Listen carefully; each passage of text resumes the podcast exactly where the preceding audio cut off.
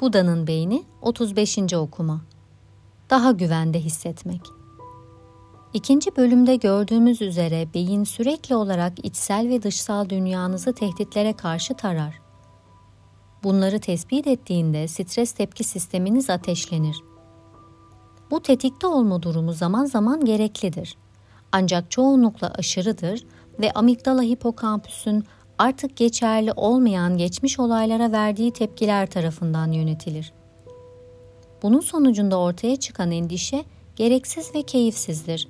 Ayrıca beyninizi ve bedeninizi küçük şeylere aşırı tepki vermeye teşvik eder.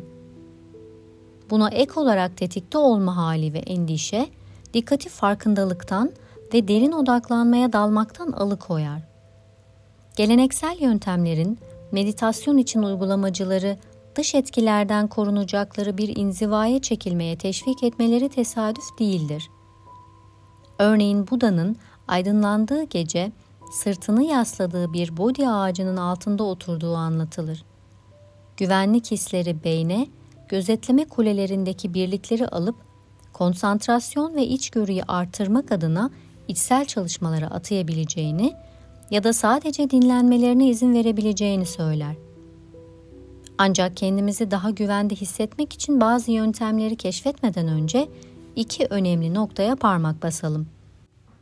İlki, sıradan gerçeklikte tam anlamıyla güvende olmak diye bir şeyin olmamasıdır.